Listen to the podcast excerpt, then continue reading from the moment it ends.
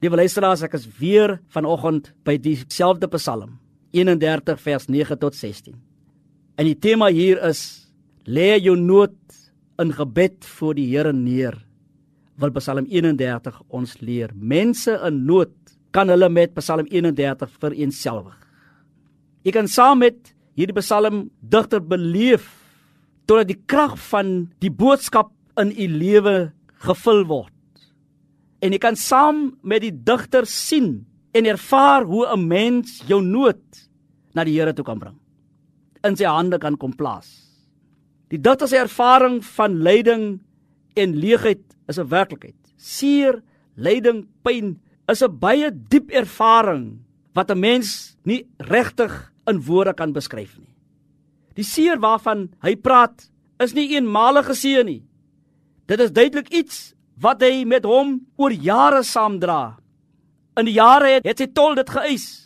Hy kon dit ook nie meer uithou met homself nie, met sy omstandighede nie.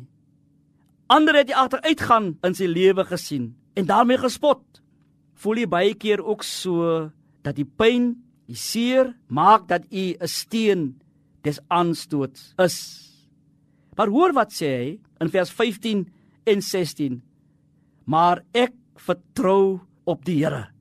Vers 16: My tye is in u hande.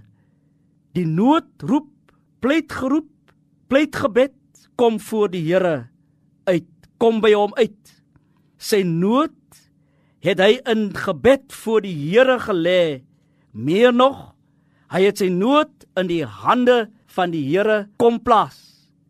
Die hand van die Here is teken van redding van vertroeteling, van genesing en ook van redding en heelmaking ook vir u.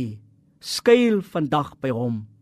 Plaas u omstandighede, u nood in gebed voor die Here en hy sal nuwe hoop gee, nuwe lewe gee as u met oorgawe en oortuiging kom sê, Here, ek vertrou u, ek plaas my nood in u hande.